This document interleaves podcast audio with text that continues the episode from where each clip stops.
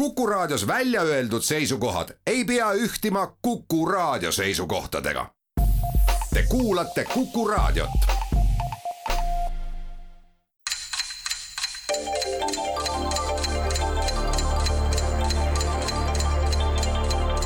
tarkade klubi targemaid küsijaid toetab lisateadmistega Postimehe raamatukirjastus tere taas, Kuku raadio Tarkade klubi tervitab häid kuulajaid tänavuse niidukuu viiendal ja viimasel laupäeval, mis ehtimas väravaid peagi saabuvale pärtlikuule, mil suur osa Euroopast võtab reeglina nõuks meeldivalt laiselda ehk teisisõnu puhata. tänane päev muide on üks mõistatuslikumaid maailma ajaloos, üheksakümmend üks aastat tagasi pakkus tallinlastele palju mõistatamist üks suur ja hall vaalaskala taevas, milleks tegelikult oli põhjanaba poole suuduv õhulaev Kraft Zeppelin. kakssada kaheksakümmend üks aastat tagasi oli suureks mõistatuseks äsja Viitus Beeringi poolt eurooplastele avastatud avastatud Alaska ja sada kakskümmend neli aastat tagasi krõpsus ameeriklastele mõistatuslikult hamba all esmakordselt isand Kelloggsi rüstitud maisihelves. ja USA tänini üheks ajaloo suurimaks mõistatuseks loetav ametiühingu juhi Jimmy Hoffa kadumine leidis samuti aset juuli eelviimasel päeval nelikümmend seitse aastat tagasi. seega on igati paslik, et oleme mõistatusmängu kogunenud mängima stuudiotesse ja raadiotesse just täna, kolmekümnendal juulil. tõsi, erinevalt Jimmy Hoffast saab meie saate saatus juba vähem kui tunni pärast selgeks. Tallinna Tallinna või Tartu võiduga või viigiga. taaskord on hea meel nädalase vahega tervitada siin Tallinna stuudios häid mängijaid, keskkonnainseneri Eesti Mälumängu Liidu juhatuse esimeest Indrek Salist. tervist! ja audiitorit ning suurt reisisõpra Alar Heinastet. tere päevast! ja Tartu stuudios kunstisõpra ja arhitektuuriloolast Toivo Kreeki. tere päevast! ja tarkvarainseneri Priit Naruskbergi. tervist! nagu eelmine saade tõestas, kuuluvad head külalised vaieldamatult Eesti mälumängu piimamannergu koorekihti ja loodame, et ka seekordsed küsimused on vastajaid väärt, igal juhul mahuvad nad täna järgmiste teemade alla. Slava Ukraini, kultuur, teadustehnika, usuasjad ja vaaria küsijad on täna Kivimäe kooli ajaloo ja ühiskonnaõpetusõpetaja Margus Pillau, Hingliranna patrioot Enna Sivadi, raadiokuulajad Valeri Küpsis ja Anatoli Murakas. alustame ja täna anname avavaliku õiguse Tallinnale, Hindrek Jalar, palun päris huvitavaid äh, variante on, aga, aga hakkaks äkki kõige laiemast siis kultuurist pihta? teeme niimoodi ja see ongi kohe küsimus meil kuulajalt Valeri Küpsiselt, tegelik nimi toimetusele teada. kahe tuhande seitsmenda aasta Prantsusmaa presidendivalimistel jäid teise vooru kandideerima toonane siseminister ja hilisem president Nicolas Sarkozy ja sotsialistist kandidaat Ségolène Royal. rivaalid väärisid üksteist, olid tugevad kandidaadid mõlemad ja nauditavad debateerijad ja nõnda avaldasidki paljud valimisi kajastanud Prantsusmaa ja mitmed välismaisedki väljaanded valimiste eelõhtul kahe kandidaadi ühise foto ja panid justkui kokkulepitult artiklitele pealkirja, mida tegelikult kannab maailma kino kuldvaramusse kuuluv film aastast tuhat üheksasada seitsekümmend kaks. tõsi küll, väga vastuolulist vastuvõttu pälvinud film millise pealkirja panid siis ajakirjanikud toonasele teise vooru eelsele artiklile või milline film. siis nende ühine foto, jah uh. Mhm. -huh. No, esimese hooga oleks öelnud, et Beauty and the Beast. just, ma mõtlesin ka seda, aga see vist et ega siin kumbki päris vist nagu, nagu seda sinna, sinna kanti lõplikult ei lähe, et no, aga meenutab küll kaugelt. aga seitsekümmend kaks äh, kuidas see filmi kohta öeldi, et oli äh, väga val-, väga vastuolulist vastuvõttu pälvinud film, aga kahtlemata siis maailma kino kuldvaramusse kuuluv film. seitsekümmend kaks oli Ristiisa. jah, aga, aga, aga noh, ütleme, et, et need kaks kaks, kaks inimest, eks ole, seal noh, et umbes nagu Bonnie ja Clyde, eks ole, või midagi sellist, aga kusjuures, kusjuures ma hakkan mõtlema, et näiteks seesama Bonnie and Clyde, see oligi kusagil seitsmekümnendate alguse film mm. -hmm Warren Beatty ja, ja Faye Dunaway nojah, et, et midagi sellist peaks jälle olema, et, et, et nii-öelda ka kõik nagu ilma kokku leppimata leidsid selle mingi ühise nimetaja nende arvad, et noh, Bonnie ja Clyde olid kuidagi väga nagu ühise asja eest väljas, Sarkozy ja ei, ei, ei no see selleks, lihtsalt, et, et ühed röövlid puha, eks ole, umbes nii jaa mis siis filmimaailmast nagu mõt-, võtta, et ähm, ristisad ja, ja kõik need, äh, noh see nagu ei puutu nagu asjasse, et siin on jah, kahe inimese äh, kahe inimese pilt, eks ole, mees ja naine, vastu just vastukaja, no, no aga siis äkki ja on. film Mees ja naine oli kuuskümmend kuus. aga jah, et see äkki on Bonnie and Clyde? ei ole kahjuks Bonnie and Clyde, nii et Tallinn siit punkti ei saa, Tartu valmistub Tartu Üfiks varsti, kus kindlasti tartlastel on ka piletid võetud, aga kuulame teie arutelu? ma ei tea, üks film tuli mul praegu meelde, vist oli seitsekümmend kaks. skandaalne ta küll oli. skandaalne film, Marlon Brando ja Maria Schneider, Viimane tango Pariisis. õige vastus, see tõepoolest on Viimane tango Pariisis ja sarnaselt Ristiisale, see oli üks suuri Marlon Brando filme. ja ta pälvis siis tõepoolest mitmete stseenide puhul, mis olid väga vägivaldsed, vähemasti paistsid kinoliinalt välja, niisiis vastuolulist vastupanu, aga maailma kino kuldvaramusse see Viimane tango Pariisis, mis siis tõesti Prantsuse valimisi väga täpselt kajastas, ka oli see pealkiri ja oli ka siis filmi pealkiri. kena, tartlased positiivselt alustanud ja teie valik, Priit ja Toivo? kultuur? tundub, et kultuuris olete tublisti kodus küll ja Tenno Sivadi küsimus on teine selles vallas. Venemaa relvasepa Vassili Batašovi poolt valmistatud Florencia vaas, Florentinskaja vaasa, pälvis aastal tuhat kaheksasada seitsekümmend Peterburi ülevenemaalisel näitusel peaauhinna. vaasi nimi pärineb Firenze linna nimest, mida ladina ja vene keeles nimetatakse siis Florencia või Florencia, tõlkes siis õitsev, aga milline otstarve oli sellel vaasil, küsib Tenno Sivadi mis aasta see oli? tuhat kaheksasada seitsekümmend. nii, tuhande kaheksasaja seitsmekümnendal aastal Batašin, ta oli relvameister jah. ja Vaasa. õitsev. Ei no Florent-, jah, Fiorentina, noh see mm. Firenze, see nimi ja. tuleb ja. õitsemisest. siis ta peab kuidagi mingi lill, lille või midagi sellist meenutama? no ma kahtlustan, et ta ikkagi, ta võib lille ka meenutada, aga mis ta otstarve oli, sest äh, Florentiskaja, see ikkagi vihnab, vihjab pigem Firenzele ja mis Firenzest, kas tuhat kaheksasada seitsekümmend, kas sellest aastast on midagi võtta, keegi ei teadnud tollal, et mingisugune Vladimir sündis, Ilja mm., Iljale sai oma tähtsust ja mingit Krimmi sõda oli otsas, et kas see vaas on sõna otseses mõttes vaas või on ta mingi, oota, mõtleme nüüd vähemalt katsu, katsu, katsume mõelda. mingi Ming... relvastus. ei, ei, isegi mitte relva, vaid mingisugust öö, suurt kuulsat asja, ka siit Eestist nüüd vaevalt on leida. Firenze ei no miskipärast Firenzele omanik, ma saaks aru, et Veneetsia klaas, aga Firenzele, mis on omalik, oma, oma iseloomulik. nii, kui me mõtleme Firenze jalgpallimärk, siis ta on ikka see. Firenzel on Liilia. Liilia, mõtlengi jah jalgpalliklubil on see Liilia logo. no üldse Firenze. Firenze logo on see lo Liilia. jah, Firenze embleemil on mm. Liilia, siis Firenze oli üldse käsitööliste linn kunagi Firenzes mm. -hmm. ehk kui ta on mingi selline liiliakujuline vaas, mis tal võib otstarbeks olla? mingi püssirohu pistu täna seda ei kasuta, aga. ei, kui relvameister, siis ta võis mingisugune püssirohu mingi, aga miks ta siis vaas on, kaheksasada seitsekümmend, et kellegi urn, aga tollal mul ei tule küll ette, et keegi kuulsus oleks nii, nii kuulus mees oleks tollal surnud. no vot nüüd, nüüd on, nüüd on kinni jooksnud, ei ole isegi mitte ideid. Mida see mm. vaas, kas sa paned sinna jah, millegi presenteerimiseks, paned midagi sisse? Või ta on lihtsalt selles mõttes, ta oligi, nägi välja, mis on seal, mis otstarve oli sellel ja mis otstarve mm? -hmm. relv.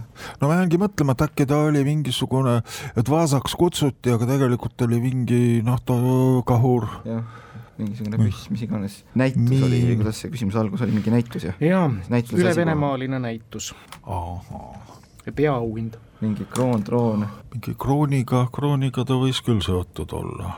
Ülevenemaaline näitus, siis olid ka igasugused põllumajandusvärgid mis seal pea, noh, maisikasvatus ei hakanud tollal mingi teravilja motiivid. otstarve? jah, no mis otstarve saab, järelikult ta lillevaas ei olnud. lillevaas ei olnud, keegi seda sööma ilmselt ei hakka. jah, aga mingisugune mingit no, raviotstarve ei ole. mingisugused umbes sel ajal aga see oli arust Nobeliga seotud, hakati meremiine Venemaal tootma. no, no midagi. äkki oli ma ei tea, see on relvastus, kas relvastus on, ma ei tea. no relvasepp, no relvasepp -hmm. tema tegeleb ikkagi ennekõike metalliga, nii et ta pidi olema kas mingi sepis mm, -hmm. sepis või valatud, ma ei tea, mingi. mingit kahuri. no tollal oli juba ikka kahuri asjandus oli vist rohkem arenenud, enam mingisuguseid suurmõlmkahureid. ma mingi, ma ei tea, tsere-, tseremoniaalne kahur, mingi mm. saarpuška on mustast. no see on tunduvalt varasemast ajast, aga mingi kirikukell. kuule, ta võibki kirikukell olla. kuule, see on, minu arvates on see, see seni pakutuist kõige targem mõte. mina ei oska neist ühtegi valida, nii et no ma ei tea, minu arvates kirikukell on kõige-kõige-kõige targem. noh, olgu siis kirikukell. ei ole kahjuks kirikukell, ehkki vastusena väga ilusti kõlav. Indrek Jalar. jah, eks neid äh, kasutusi siis on siin mõeldud el, elu, elulähedasi variante tuli pähe küll, et äh, jah, aga, aga osad nendest ei sobi nagu peaauhinnaks, nagu seesama tu-, tuhaurn, eks ole. ööpott, eks ole, jah. et seda, et noh, kahtlemata tähendab, et seda saab keraamiliselt ju väga, väga vingeid variante välja mõelda, aga kui ta nagu vaas ei ole, võib-olla siis äkki midagi, midagi karafinilaadset näiteks. Nagu joo-, jooginõu, et äkki Firenzest siis viinamarjad ja veinid sobiksid sinna sisse. ja parema puudusel midagi muud. jah, et siis ähm, kuidas me vormistame jo-, jooginõu karaffin, eks ole, jah. vot seda karaffini poleks otsa olnud vaja, ma oleks juba pool punkti noh, aga kuna see on ikkagi päris selge otstarve, te olite päris lähedal, nagu aru saate, tegemist oli samovariga. kuulsa Tuula samovariga, mis on valmistatud siis vaasikujulisena. Tuulas on no, siis no, piisavalt siis... palju relvassepi ja samovaride valmistajaid. Stepan Batašov ja tema kaks poega olid siis tuntud Tuula relvameistrid. nii et ei saa päris õigeks lugeda no.. jooginõuna oleks võib-olla arvesse läinud tõesti.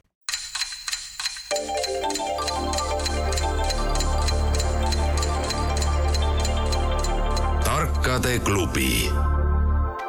targemaid küsijaid toetab lisateadmistega Postimehe raamatukirjastus aga kultuur on läinud, Tartu üks-null eduseisus jätkame, Alar Indrek, te saate valida. vaataks, mis sealt vaaria tagant nagu paistab ka sealt mm -hmm. mõnikord tuleb huvitav. tuleb ja klassikaline vaaria, Anatoli Murakas on selle küsimuse saatnud. John Kennedy, Johannes Paulus Teine ja Simon Bolivar on ühed väga loetud isikutest, kelle nime kannavad maailmas vähemalt kaks lennujaama.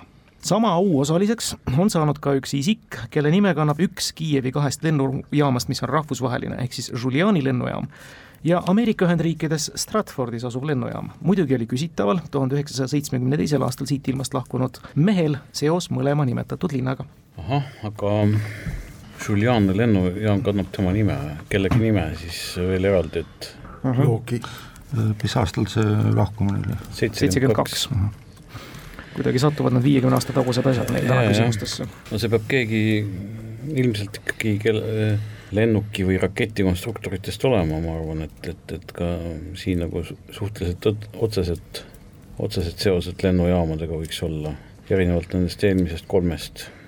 et kas, kas see meil Sikorski ei olnud Ukraina päritoluga või? Nagu Poola. ei no pigem noh, ta oli ikkagi jah, kunagi see Vene impeeriumi aladelt. no seda küll, jah, jah. see ja töötas ka ju hiljem seal USA-s, eks ole, et, see oleks nagu üks loogiline variant jah. et noh, ma ei kujuta ette, keda veel seal, et no sellise surma aastaga veel, et jah, et et siis nii-öelda sajandi alguse inimene, no ma ei tea, igasugu need muud lennukikonstruktorid vist siia ei sobi, Tupolevid ja, ja Antonovid, eks ole, et need ei sobi. noh, see võib ka hoopis keegi, keegi, keegi kolmas olla, aga vot surmaaeg ja ega meil jah, ega sealt Ukrainast see peab olema keegi Ukrainast ikkagi pärit eh, tegelane, et, et, et ilmaasjata ei panda seal, no pakuks ikkagi see Sir-, Sikorski. õige vastus tõepoolest, Igor Sikorski, Ukraina-Venemaa USA lennunduspioneer, helikopteri välja mõtleja või leiutaja osade versioonis vähemalt, sündis Kiievis, suri Stratfordis, kus ta siis Ameerika Ühendriikides valis välja oma nii-öelda lennukonstrueerimise büroo baasi ja sinna linna ta siis jäigi. Üks-üks, selle vaaria teadmisega viigistate seisu. Ja palun, Priit ja Toivo, teie valik veel vaariat. veel vaariat ja veel klassikalisem vaaria, me läheme keemiasse. Ferrum S2 ehk püriit on niisiis väävlist ja rauast koosnev mineraal. ka Eestis leidub seda lämmastikhappe ühte põhilisemat toorainet settinuna maa sees geoloogiliselt alamordoviitsiumi lademes, tavaliselt Dictyonema kilda all intrigeeriv on, et see väliselt kullaga sarnaneb, mistõttu püriiti samuti kassikullaks on kutsutud aga meil Eestis seostub kõnealune mineraal veel millegi teatud kindlatel asjaoludel paljude jaoks elevust tekitanuga. seda niisugusena mitmete teadlaste hinnangutel järeldates ning avalikkuse tähelepanu pälvinuna. millest käib jutt? samuti Indrek Hargla loomingus näiteks on vastav süžee, kui ta vihjatava teose inspiratsiooniallikas esindatud ehk siis me räägime. Indrek Hargla, Indrek Hargla on noh, niimoodi hargnenud kahes suunas Melchiori lugusid ma olen lugenud, kuule, oota Melchiori. Melchior ei ole Fermes. ei ole jah, Melchiori lugusid ma olen lugenud, aga tema ulmekaid mitte, nii et kust see Hargnal pärineb. mis seal olid need muud vihjed? jaa, niisiis on räägitud püriidist, väävlist rauast koosnev mineraal mm, -hmm. mida meilgi siin leidub, aga intrigeeriv, et ta siis on ka kassi kullaks kutsutud. meil siin Eestis mm -hmm. seostub kõnealune mineraal veel millegagi, teatud kindlatel asjaoludel paljude jaoks elevust tekitavaga või tekitanuga, on täpsem öelda. seda niisugusena siis mitmete teadlaste hinnangutest järeldades ning avalikkuse tähelepanu pälvinuga ja millega seoses. ja samuti siis ka Indrek Hargla loomingu mängus on vastav süžee kui ka vihjatava teose inspiratsiooniallikas esindatud hm..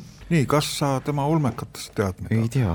ma jään mõtlema, et mis temaga mis tal need äh,, Melchioril on mingid, äh, mis need tegev-, või pealkirjad on? no mul tuleb praegu meelde mingisugune Pirita, Pirita kloostriga oli, siis oli mingisugune Gotlandi käsikiri, Oleviste mõistatus, siis ja. oli mingi kägistaja ja Timuka tütar ükski neist nagu me-, no et, et ma hakkan nüüd meenutama, et kus seal mingi süžee või kuule äh,, seesamune, kas Indrek Argla kirjutas sellest kuradi Meriväljast? aa, õigus, muidugi Merivälja oli jah, jah, Argla seal pidi seal oli Merivälja Meri... oli selle no mingisugune stsenaarium, tele, selle oli tele, telesarja stsenaarium oli minu meelest Argla. jah, ja mingisugune see ja. väidetavalt meteoriit või mis ja. iganes ta seal ja. kuskil Meriväljal. Merivälja objekt. jah täisvastus sisuliselt antud tõepoolest, see on siis muuhulgas Merivälja ühe eramu all asuvast harilikust kõvem pinnakihistus, millest kaevu rajamiseks läbikaevamisel kuuekümnendate aastate lõpul tollasel majaperemehel märkimisväärsed raskused olid. kaheksakümnendatel aastatel hakkasid sellele teatud osaliselt juhuslike asjaolude kombineerumisel paranähtuste huvilised, aga samuti Nõukogude eriteenistusega seotud isikud tähelepanu pöörama ja nõnda saigi nõndanimetatud Merivälja ufo ka meediaväljaannete poolt üles haibitud kollektiivne pärimus alguse.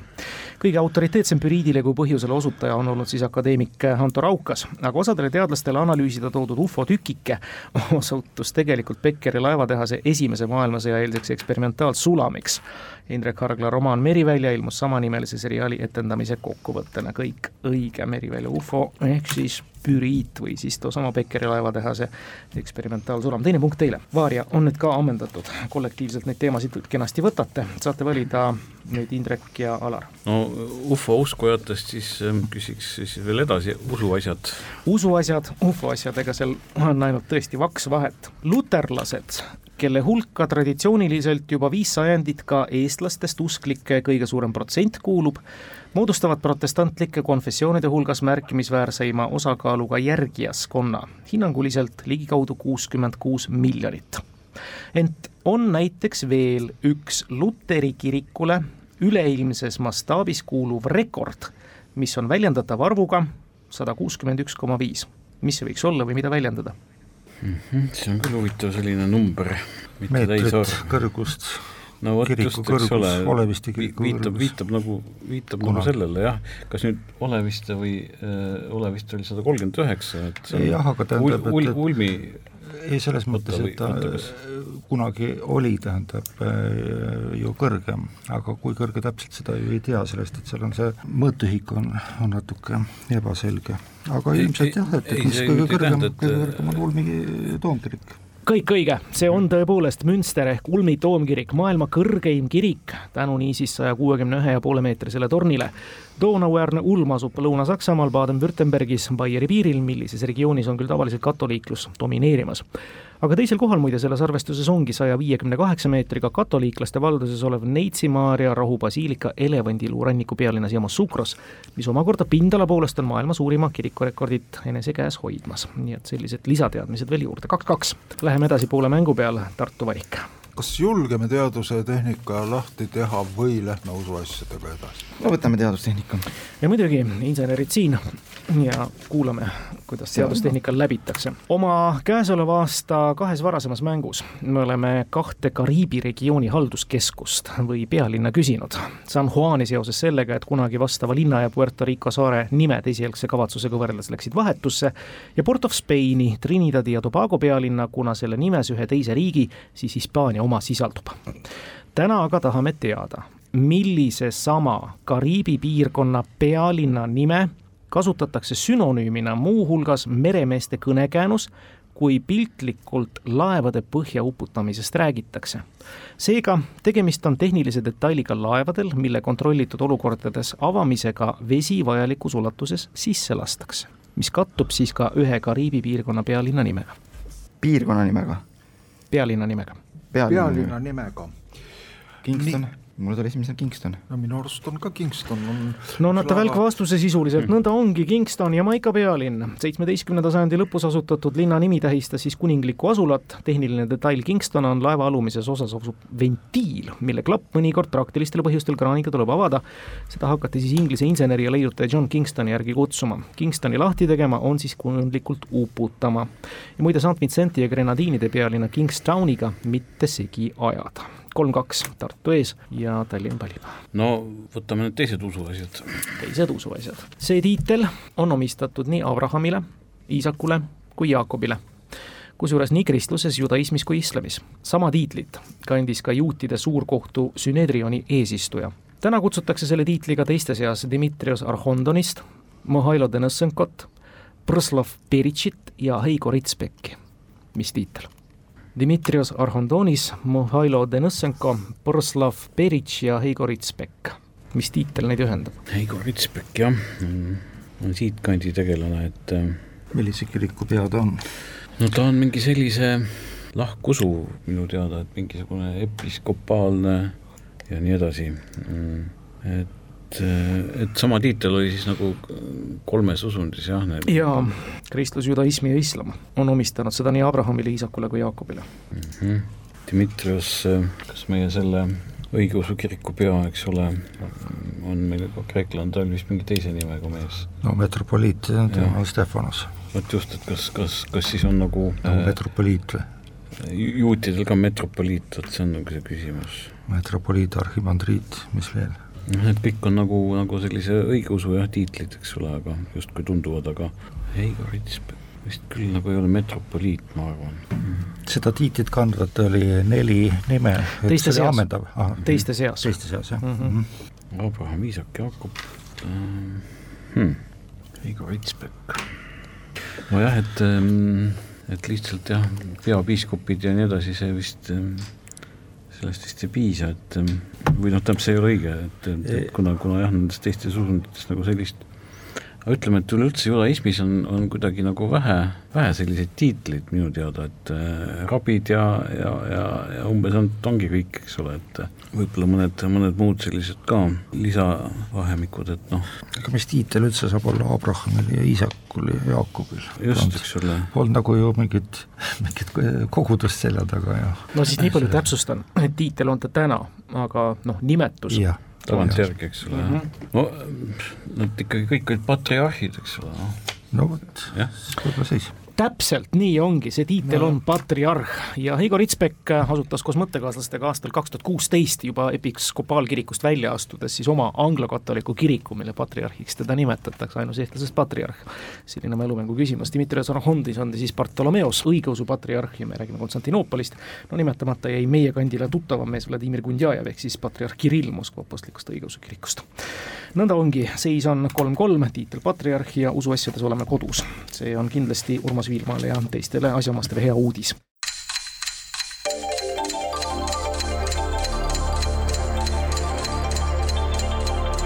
tarkade klubi targemaid küsijaid toetab lisateadmistega Postimehe raamatukirjastus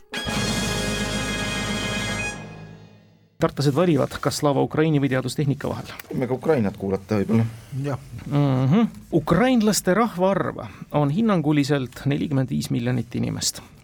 Nendest kolmkümmend seitse miljonit elas enne suure sõja algust Ukrainas ja umbes kolm miljonit Venemaal. küsimus kõlab, millises iseseisvas maailma riigis me leiame arvult kolmanda välisukrainlaste diasporaa? Ukrainlasi on küsitavas riigis üks koma kolmsada viiskümmend üheksa miljonit, umbes sama palju kui eestlasi, ja, või eestimaalasi ja nad moodustavad umbes neli protsenti küsitava riigi rahvastikust.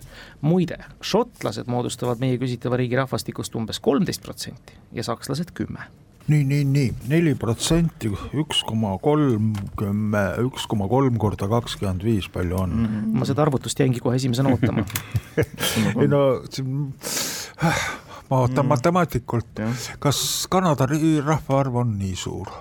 see tuleb siis kakskümmend viis ja kakskümmend viis ja seitse pane otsa, kolmkümmend kaks. kolmkümmend kaks pool, kolmkümmend kaks miljonit. nii, Poolas on rohkem mm. -hmm.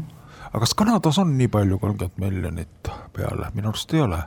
ma ei tea, ma tean, et seal neid on, seal neid on palju. sakslasi on ka seal. no sakslasi, vot sakslased natuke ajasid segaduks siis, aga šotlasi, no Austraalias ei ole nii palju elanikke ei tohiks vähemalt olla veel. siis šotlasi. Ukraina kogukonda ka nagu ei tule kuidagi. no Ukraina kogukond on Kanadas üpris Ühendriikides ka tegelikult. Ühendriikide rahvaarv on kõvasti suurem. ei no Ühendriigid ei tule üldse arvesse. kas see oli kolmas, selles mõttes, et ja. kolmas välis? just, Ukraina, Venemaa ja siis see kolmas riik. aa, ehk siis teine välisesindus? no põhimõtteliselt küll, jah. põhimõtteliselt teine väli, jah, teine diasporaa, aga noh, kui šotlasi, siis ei tule mingisugused Rumeeniad arvesse ja saksa, sakslased veel tuleks, sakslased veel tuleks Rumeenias arvesse. Euroopas sul see kolmekümne kahe milliga, mis sealt tuleks üldse, Euroopa, Euroopa nagu ei mängi kaasa vist. siis šotlasi äh, Argentiinas mm., ma ei ole kuulnud ukrainlastest. ukrainlastest seal, no hispaaniakeelne maa, miks seal peaks mingi hunnik šotlasi olema? noh, seal on tegelikult ja sakslasi ka, aga sakslasi küll on seal aga ma jään mõtlema, et šotlasi seal küll ei tohiks olla. või sinna Lõuna-Ameerikasse sakslasi nii. Aafrikas Lõuna-Aafrika on rohkem. sakslasi on, šotlasi šotlasi aga miks seal ukrainlased, kuidas need sinna jõudsid? välja rännati ikka Ameerikasse ja, ja. näljahäda ajal ja. nii, Türgi nüüd ka ei tule arvesse just, ta on ikka rohkem.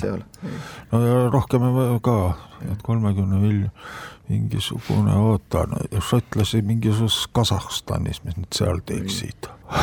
kisub ikka Kanada poole või? no ma just tahan öelda, et kas see on midagi täiesti, täiesti niisugust, mille peale ei tule või see on Kanada?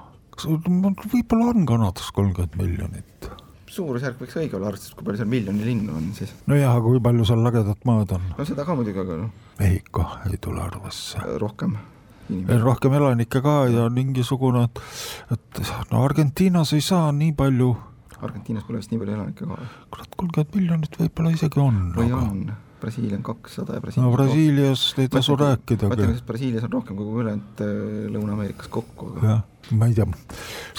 sakslasi, sa leiad sealt, aga šot-, no šotlased sinna ei tule. ja selles mõttes, kui on kolmteist prossa on šotlasi, sakslasi kümme, neli prossa on ukrainlasi, see võtab nüüd, need kolm kildu võtavad juba kolmandiku rahvast peaaegu ära, siis jäävadki inglased ja prantslased või?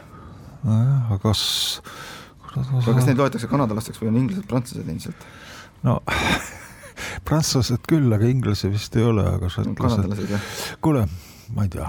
Kanada. üks, kas mõtleme üle või, või, või, või ei tule selle peale, aga me vastame Kanada ei, ta ei mõtle üle, Kanadas on kolmkümmend kaheksa miljonit elanikku, nendest siis tõesti üks koma kolm on ukrainlased ja mis puudutab jah, nii-öelda prantslasi, inglasi, siis prantslased või, või prantsuse keelt rääkivad inimesed loevad ennast ise kanadalasteks. ülejäänud on inglased ja šotlased ja iirlased. nõnda ongi, neljas punkt teile, Kanada oli siin õige vastus ja Indrek Alar, teie valik, kas teadustehnika või Slava Ukraini? no võtame siis Slava Ukraini. jah mm -hmm kahe tuhande neljateistkümnenda aasta talvel aset leidnud väärikuse revolutsiooni, mille käigus siis Moskva-meelne president Janukovitš kukutati ajal, mainiti sündmuste käigus päris tihti ka kaljukotka ehk maakotka nime. Kas mäletate või tuletate, mis põhjusel või millega seoses? kas see nüüd on siis, meil jälle see Berkut eri, eriüksus. eriüksus. tõepoolest, eelmises mängus käis ta meil tahtmatult läbi õigemini küsija jaoks tahtmata, aga, aga tõepoolest Kalju Kotkas on ukraina ja ka vene keeles Berkut või Berkut, mida kandis siis Ukraina iseseisvumise järel miilitsa eriüksus, Omoni järglane. aastal kaks tuhat neliteist oli Janukovitši teenistuses ja meeleavaldustega esialgse vägivaldse mahasurumise katsete eest ühena põhilistest vastutav. revolutsioonivõidu järel kaotati organisatsioon sellisel kujul ära ja ehitati nüüd üles üks uus. jällegi viik majas, neli, neli ja nõnda jääb siis küsimus meid otsustama mängu saatust ja see on teadustehnika. Tartlased saavad seda kuulda esimestena. kuidas auruvedurite aegu veduri põhiosa ehk juhi kabiinist, katlaruumist, aurumasinast ja veoratastest koosneva kompleksi järel liikunud kütuse ja veemahutiga abivagunit nimetati? selline küsimus. küsitav mõiste on ühtlasi sõna, mis näiteks inglise keeles samakujulisena ka midagi muud konkreetset tähendab ja samuti ühe viiekümne kuuendal aastal välja tulnud filmi ja selles kõlanud tuntud samanimelise laulu pealkirjas esineb. nii, me veel ei vasta, me hakkame arutama. olge head. peaks, minu teada peaks üks Scott Fitzgeraldi tuntud romaanis ka see sõna olema, see on tender, oled Priit Love nõus? me tender on, jääb Love sinna me- Tender on ka veel see- absoluutselt, jälle välk vastus ja ma tegelikult ootasin seda, see tõepoolest on Tender vihjatud film ja laul Love me tender. sellise väga Ja- hoogsa, palun ei midagi, selge, ühesõnaga hoogsa ja väga resultatiivse mängu, kus üheksa küsimust kümnest said vastatud, on taaskord võitnud tartlased siis kõige napimalt, aga on olnud võrdsete mäng need mõlemad laupäevad, kui on rõõm olnud teiega koos siin viibida. Indrek Alar Tallinnas ja Priit ja Toivo Tartus. olge nii head, taaskord siis teie abi vajame siis täna kuuldutest parima küsimuse väljaselgitamisel. see, mis vastamata jäi. täiesti nõus. see Oleme oli küll, siis Tuula Samovar Tuula Samovar, alias jah. Vaas, Tenno Sivadi Inglirannast saab taaskord siis pärjatud selle vastamata küsimustega, nagu öeldud, väga vahva on teiega siin olnud kesksuve, aitäh seda aega leidmast, ilusat suve jätku teile, Priit Toivo Tartusse, Indrek Alar Tallinnasse ja uute kohtumisteni!